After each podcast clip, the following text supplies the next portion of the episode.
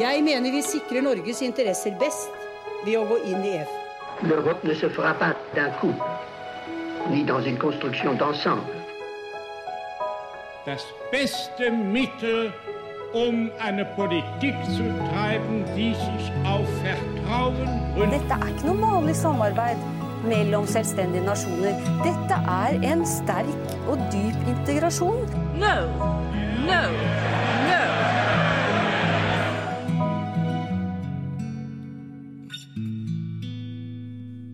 Velkommen til Det europeiske kvarter, en podkast om europeisk politikk og historie med Lise Rye og meg, Kristine Graneng, på europastudier på NTNU.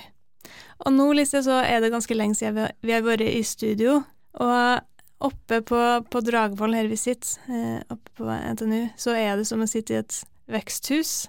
Så jeg husker at for noen måneder siden så sa du at det var godt å komme inn i det her studioet fordi det var så kaldt ute, men akkurat i dag så tror jeg det er omvendt.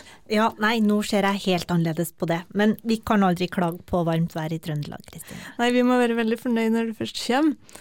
Men, eh, men det setter jo også litt stemning for en slags sommeravslutning for, eh, for podkasten.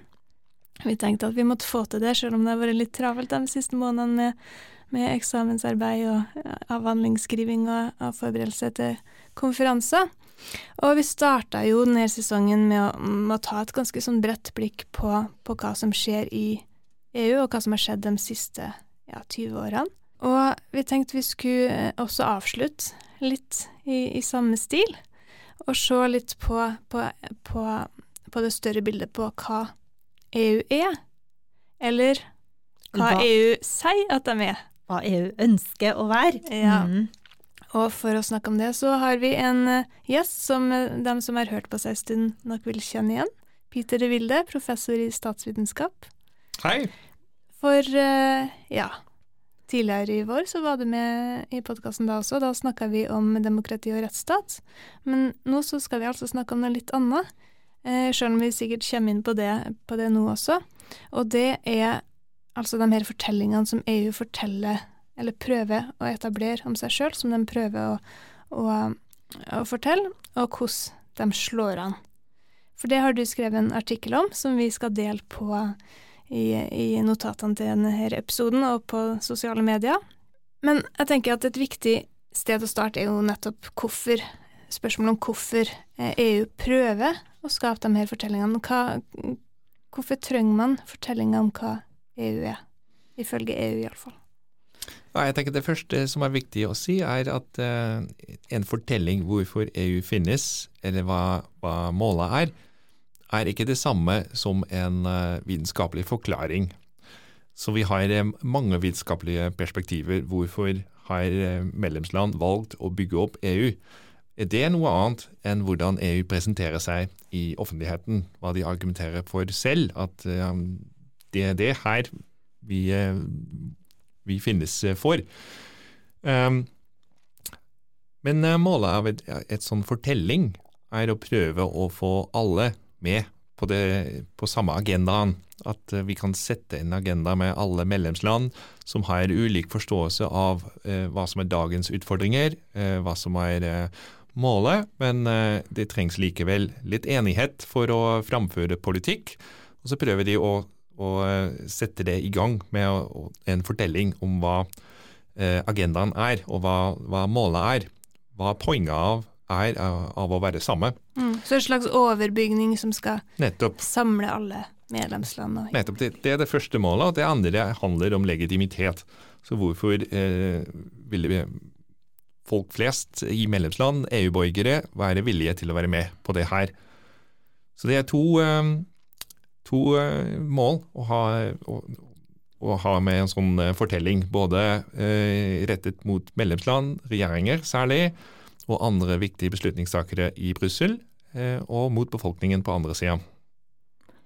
Tenker det er et viktig skille, det mellom fortellinga retta mot medlemsstatene og fortellinga retta mot innbyggerne. Og behovet for fortellinga retta mot innbyggerne, det, det har jo alltid vært det, men det har jo kanskje endra seg litt over tid. For til å begynne med så var det jo veldig få som visste hva den integra europeiske integrasjonen var, og hvorfor man skulle ha et sånt samarbeid, og det vil det jo til en viss grad være enda, men i dag er det kanskje sånn at man må forklare i enda større grad, man må velge en fortelling for å begrunne, begrunne EU enn det man måtte tidligere.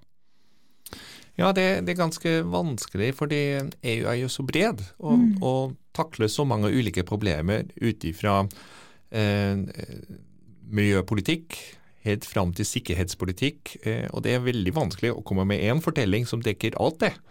Eh, særlig fordi eh, utfordringer er ulike. Utfordringer rammer medlemsland på en ulik måte. Eh, noen sliter med illegal innvandring, andre sliter med eh, miljøutfordringer. Så hvordan skal man fortelle én fortelling for å overkoble alt det? Hvordan, hvordan, prioriterer du, og hvordan fanger du noe som er så komplekst som EU-samarbeidet i, i ei fortelling? Nettopp. Men det er jo også noe annet som er litt spesielt med EU.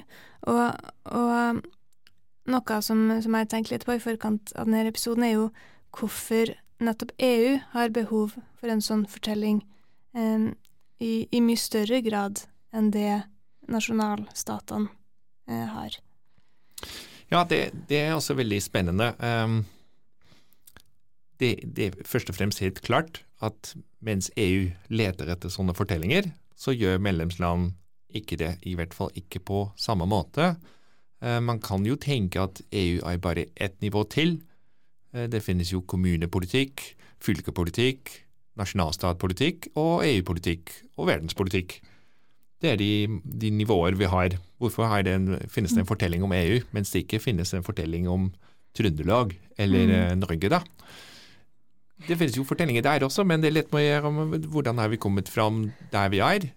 Litt mindre om mm. hva er målet, hva er jeg tror, poenget. Jeg tror også det handler mye om hvor eksplisitt de her fortellingene er. fordi det ligger jo eh, en forståelse til grunn for hvorfor vi har staten Norge, hvorfor vi har regionen Trøndelag, som, eh, som jo kom litt fram i lyset under da det var snakk om å, å slå sammen fylkene eh, for noen år siden. Men, men, det handler om i hvilken grad man, man på en måte tvinges til å fortelle dem her historien, og være tydelig på det? Ja, det, det er helt klart at um, EU mangler det samme grunnlaget som nasjonalstater har. Det finnes ikke et felles språk. Det er ikke en stor episode i historie som et sånn um, krig hvor man uh, måtte forsvare seg mot en, en felles fiende. Uh, at, at, det bygget samme fellesskapet. Så mens det ikke er sånn sterk identitet, det ikke er en sterk språk og annen kultur som, som eh, kobler folk sammen, så er det et åpent spørsmål. Hvorfor er vi egentlig med i EU? Og Det er det sånne fortellinger prøver å svare på. Eh, I hvert fall den delen rettet mot befolkningen, da. Så på bakgrunn av det så prøver jo EU å, å komme med ulike fortellinger om hva, hva, EU er, og hva målet med EU er. Og i denne artikkelen din, eh, Peter, så, så viser du til utrolig mange forskjellige måter EU eh, e har, eller fortellinga om EU har blitt forstått på. Og vi har også snakka litt om det tidligere i, i podkasten, Lise, men, men, da mer fra det perspektivet som du nevnte helt i starten, Peter, om hvordan andre enn EU har bygd opp fortellinga. Det er jo blant annet det du har gjort i, i den seneste boka di, Lise. Men, men, vi må snakke litt mer konkret om hvilke fortellinger er det faktisk EU, EU prøver å å bygge opp og etablere. Og hvor vil du starte da, Peter? Jeg ville begynne med slutten av andre verdenskrig. Eh, og der var det selvfølgelig et eh, veldig stort spørsmål hva skal vi gjøre med Tyskland? Eh, Vest-Tyskland, da. Og hvordan skal vi takle store utfordringer som, som nasjonalstater her? Og De seks land som begynte med EU, hadde alle tapt andre verdenskrig. Enten eh, ble eh, overført av Tyskland eller eh, av de allierte. Da. Så alle disse land var, eh, hadde behov for samarbeid for å gjenskape sin egen legitimitet. Og det var det helt logisk å begynne med at dette er et fredsprosjekt. Eh, først og fremst fred mellom Tyskland og Frankrike, eh, og gjennom det også mellom eh, de andre land som var med.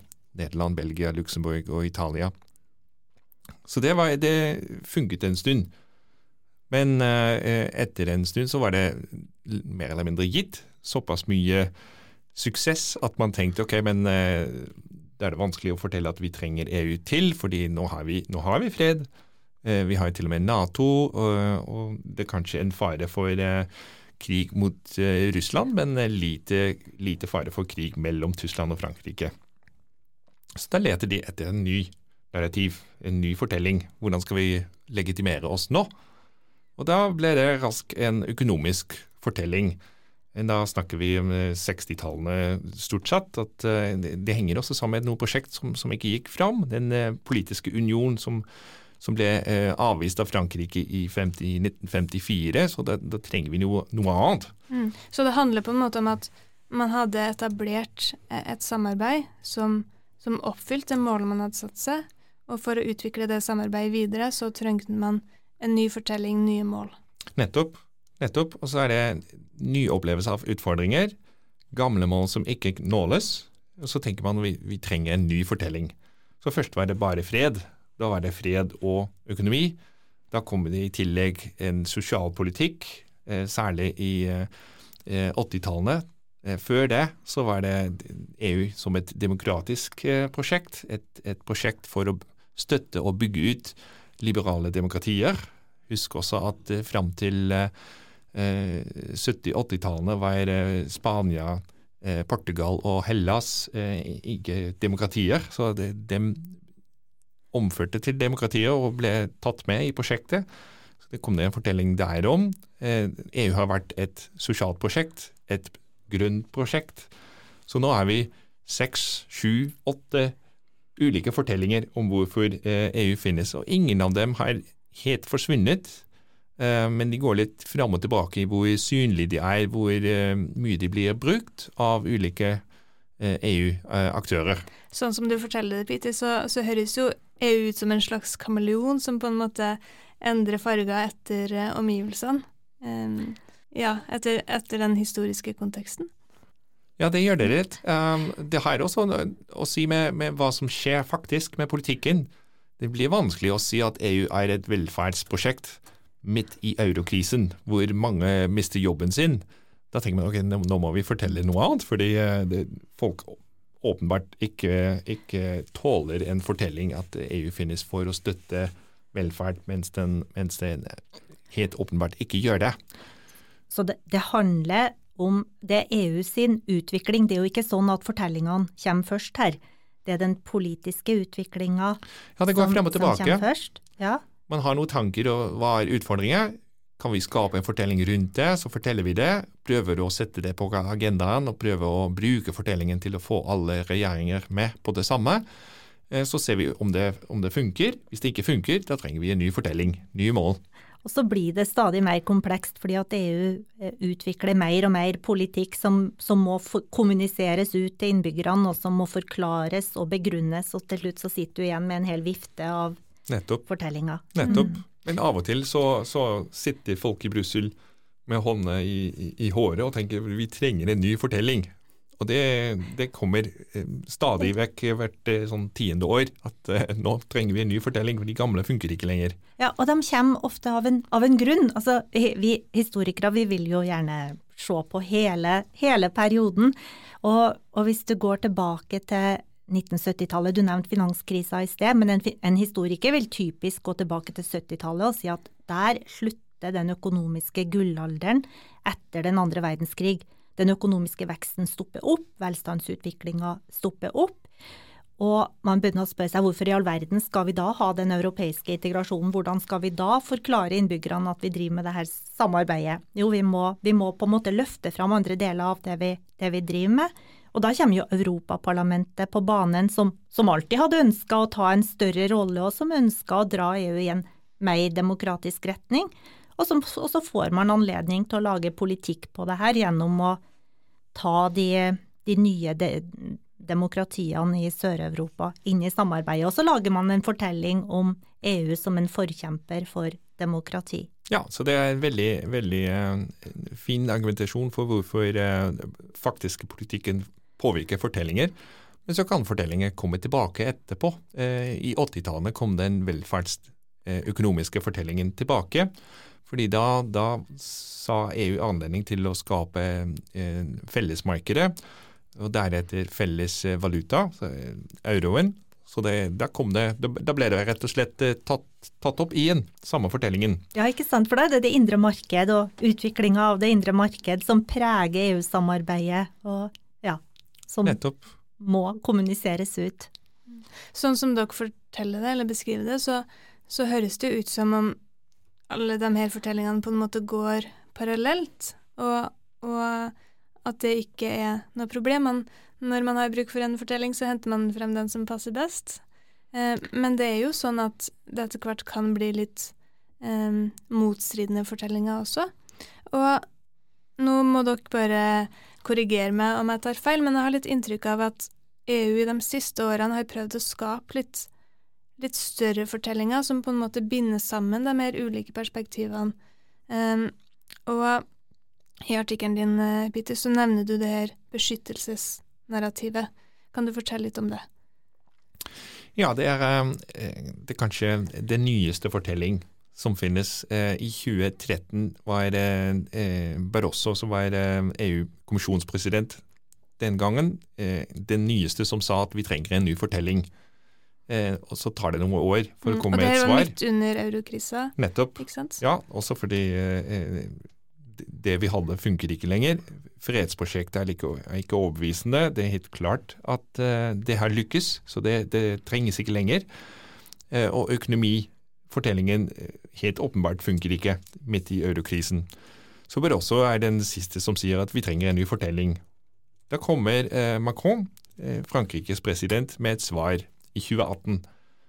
Og han sier at Europa finnes for å beskytte oss. L'Europe qui protège. Eh, EU som, som, som forsvarer eller beskytter deg. Og Det er et ganske åpent fortelling, fordi det spesifiserer ikke hva man beskytter mot, eller hvem man beskytter, eller hvordan. Så alt, alt åpent det, og det er ganske fint med en sånn fortelling, fordi da kan alle koble til det de ønsker, eller det de er redd for.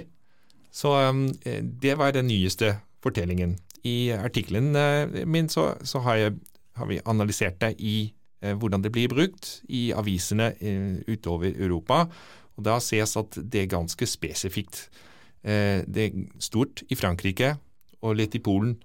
og særlig koblet til noen temaer som har med, med arbeidsmarkedet å gjøre, og som har med sikkerhetspolitikk å gjøre.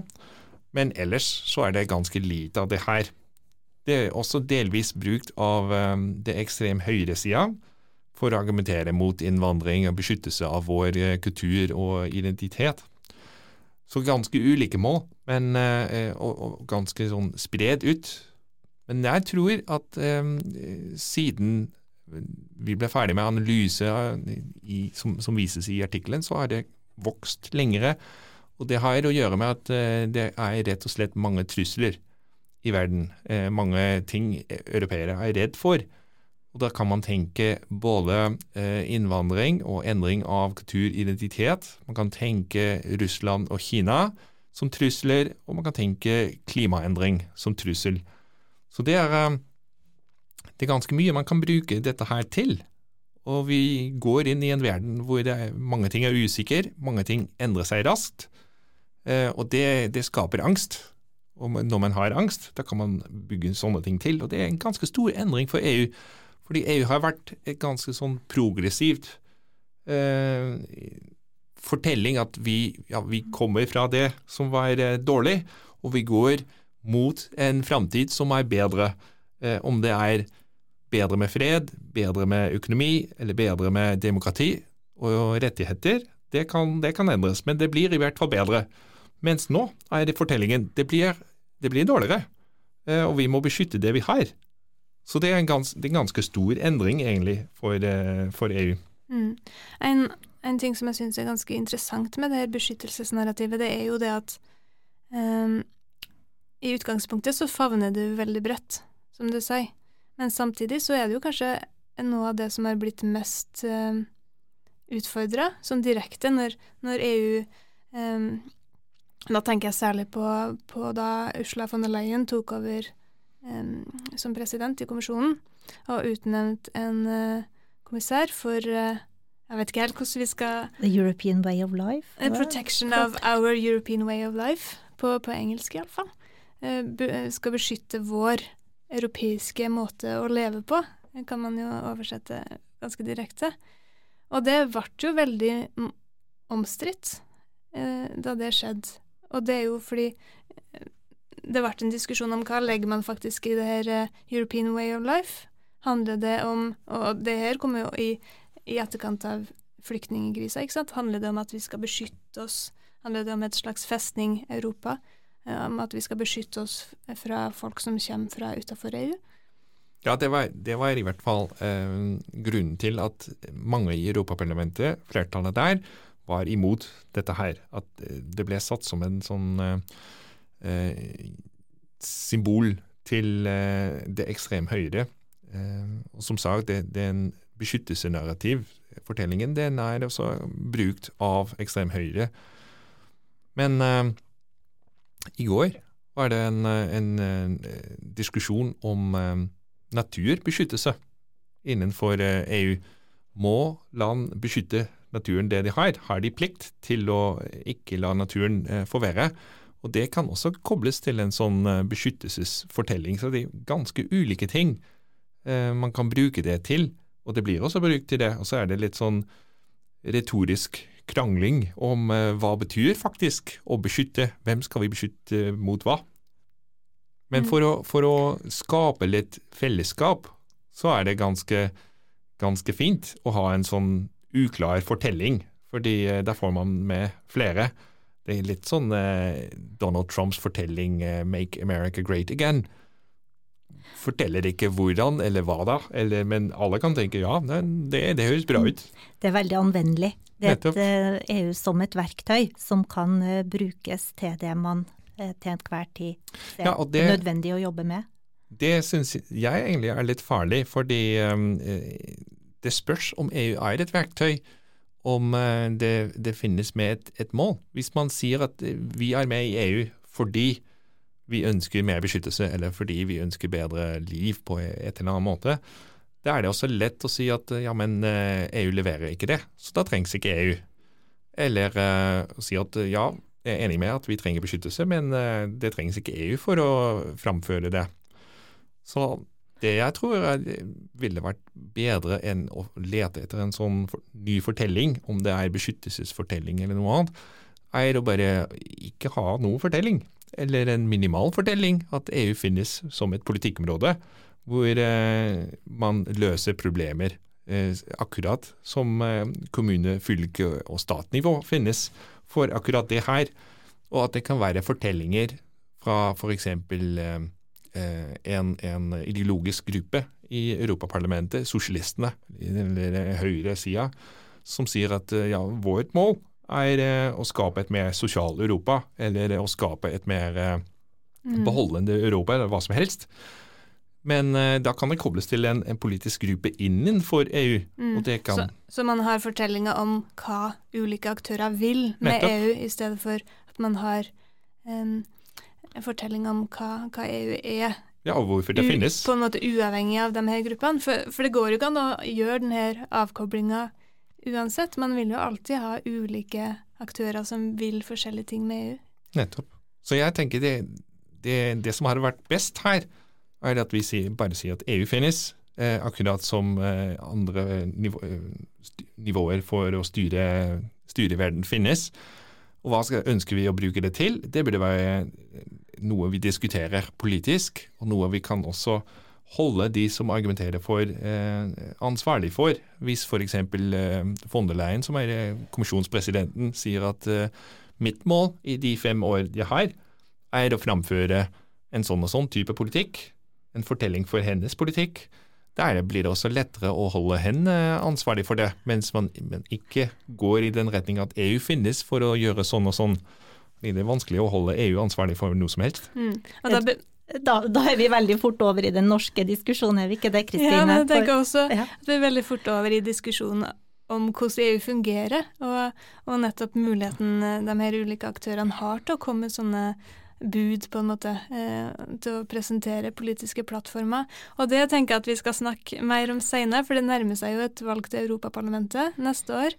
Og da, da blir det jo veldig spennende å se hvordan den prosessen vil fungere, og om det er sånn at man kan holde kommisjonspresidenten, eller eh, den som potensielt vil bli kommisjonspresident, ansvarlig på den måten. Eh, men det må vi snakke mer om. For Nei. du vil bevege deg til Norge? Jeg vil det, vet du. For det Peter sier, det minner jo veldig om hvordan norske politikere på, på ja-sida i hvert fall har presentert EU de senere årene som et, eh, som et eh, verktøy for å løse grenseoverskridende utfordringer som ingen land rår med alene. Eh, Forskjellen sammenligna med innbyggere i EU-land er jo at vi ikke kan holde EU ansvarlig. Men fremstillinga av EU, eller fortellinga om EU, den, den ligner på det, du, eh, på det du anbefaler.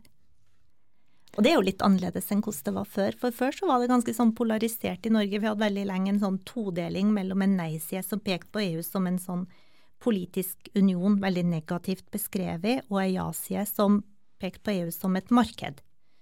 Og i dag eh, er ja, fremstillingene av EU mye mer, mye mer nyansert, syns jeg, på, egentlig på begge sider. Det gir også mening fordi EU har utviklet seg selv, og har blitt bare mye mer enn det var før.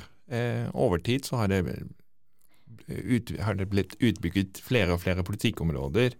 Så mens det først var kanskje bare et eh, kål og eh, Kull og stål og landbruk. så er det nå et, et fellesmarked og et sikkerhetsaktør og et miljøaktør og alt, alt mulig. Det er alle, alle typer politikk, f.eks. Alle, alle departement som finnes i Norge, finnes også på EU-nivå, med samme politikkområdeansvar. Så det at det, at det kan brukes til alt mulig, det er jo, det er jo nesten åpenbart. Mm.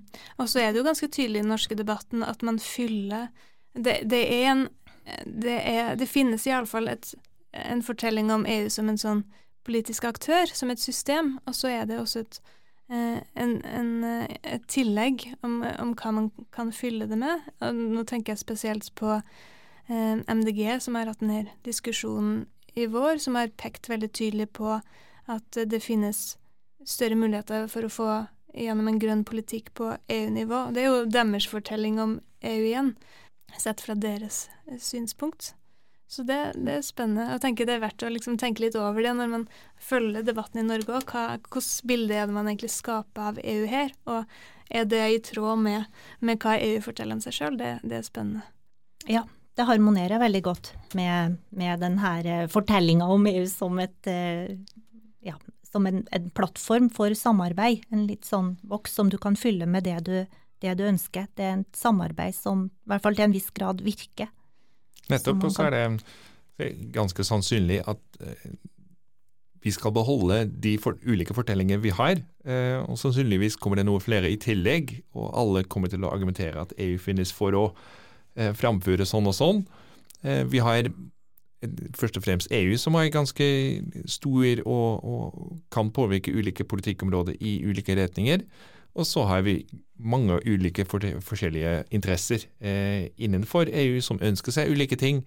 Så um, det er bare logisk og nesten ønskelig at uh, folk eh, framfører ulike fortellinger om eh, hva de ønsker med EU. Det er jo også spennende, det, fordi de fortellingene som har vært, og den som kanskje er mest tydelig i dag, sånn som jeg ser det iallfall, det er jo det strategisk. EU som en som skal på en måte bygge opp under den strategiske autonomien, i stedet for å, for å være en veldig åpen eh, verdensaktør. Og det viser jo også et, en slags spenning mellom, mellom hva EU er, eh, og forståelsen av hva EU er, og hvordan EU fungerer, og hva man kan oppnå innenfor de rammene. Um, når man snakker om sikkerhetspolitikk, f.eks., så har det åpna noen diskusjoner om er, er måten EU fungerer på, er det, er det tilstrekkelig eh, for å kunne oppfylle de ambisjonene man har? Eh, må man ha kvalifisert flertallsavgjørelser i rådet, f.eks., for, eksempel, for å komme videre? Så det er jo liksom De utfordrer hverandre litt også, de her eh, forståelsene av hva, hva, EU er. Ja, de gjør det. Men det er veldig spennende med en strategisk autonomi. Eh, fortellingen som vi, som vi, begynte med, så, så, finnes fortellinger både for å eh, overbevise regjeringer til å gjøre noe felles, og til å overbevise befolkningen. Man kan jo si at den strategiske strategisk autonomi-fortellingen er den regjeringsorienterte delen av det beskyttelse-fortellingen, mm. som er litt mer mm. befolkningsorientert. Fordi strategisk autonomi, eh, det betyr egentlig uavhengighet. EU sin uavhengighet først og fremst av Russlands energi, Russlands gass og olje, som klart blir brukt av eh, Russland til å, til å eh, sjantere eh, EU. Eh, og samtidig uavhengighet av eh, USAs militærbeskyttelse. Så dette er klart et politikkrettet fortelling. Eh, vi burde bygge opp vår strategiske autonomi når det gjelder energi og når det gjelder eh, forsvar. Mens eh, den beskyttelsesnarrativ, det, det, er også litt mer individuell. Vi skal beskytte din jobb, vi skal beskytte, beskytte din identitet osv. Interessant. Så det viser jo på en måte at det er litt forskjellig hvordan forståelse, eller hvordan fortellinger, da, eh, for å bruke det ordet, man trenger blant politikerne og, og blant folket. Ja, det gjør det. Eh, jeg angrer litt på at jeg sa det om at det var godt å komme inn i studio på starten, fordi det begynner å bli ganske varmt her. Men vi tenkte at vi må ta en liten sånn eh, sommeravslutning i, i poden også. Eh, fordi nå, nå, skal jo mange ut i sommerferie. Kanskje er folk allerede, allerede ute i sommerferie og, og, har god tid til å, til å lese litt. Og eh, det begynner å bli en stund siden, men jeg tror det var før jul jeg, jeg plukka opp ei bok som ble beskrevet som en, en satirisk thriller om EU. Eh, e det er jo noe som appellerer veldig til europavitere. Men det er en veldig spennende bok som, som er satt til Brussel og følger forskjellige karakterer. Og den heter The Capital av eh, Robert Menasse, østerriksk eh, forfatter. Og i den boka så, så er det ei av plattlinjene handler nettopp om det her med fortellinga om, om EU, fordi det er EU-kommisjonen som har veldig dårlige um, tall i Eurobarometeret. Folk har ikke tillit til EU-kommisjonen, så da må de jo selvsagt gjøre noen ting. Og da må de finne en passende dato for et uh, jubileum for kommisjonen, og det i seg sjøl er jo ikke bare enkelt, men de må også finne en slags fortelling å fortelle utad. Så det er jo det er noe av det den boka handler om, på en, uh, på en veldig morsom måte. Så det er en anbefaling fra meg, 'The Capital' av Robert Manasse. Har dere noen tips, Peter og Lise? Eh, jeg er jo veldig glad i TV-serier. Uh, og jeg likte veldig godt House of Cards, jeg likte Borgen, uh, og så tenkte jeg det må da finnes noen TV-serier om EU. Så her er et veldig ukvalifisert tips, for jeg har ikke sett dem, men jeg fant, jeg fant to. Jeg fant uh, en nederlandsk serie, faktisk, Peter, som heter, som heter Brussel, og som kom for noen år siden. Eh, og så fant jeg en som er litt nyere, som heter Parlement, som er en sånn fellesproduksjon fra en fransk, belgisk, tysk. Jeg har ikke sett noen av dem, men eh, vi vet jo at sommeren er aldri så lang i Trøndelag, så når regnet slår inn. Ja, og jeg tenker at jeg er veldig glad eh, for at NRK har så mange gode serier, og jeg tenker at her her finnes det et uh, potensial. Kjære NRK, skaffe litt EU-serier som vi kan se på. Hva med deg, Peter? Jeg er jo bare tilslutte meg dere. Mm. Men da ønsker vi en god sommer. Vi er tilbake med nye podkaster over sommeren.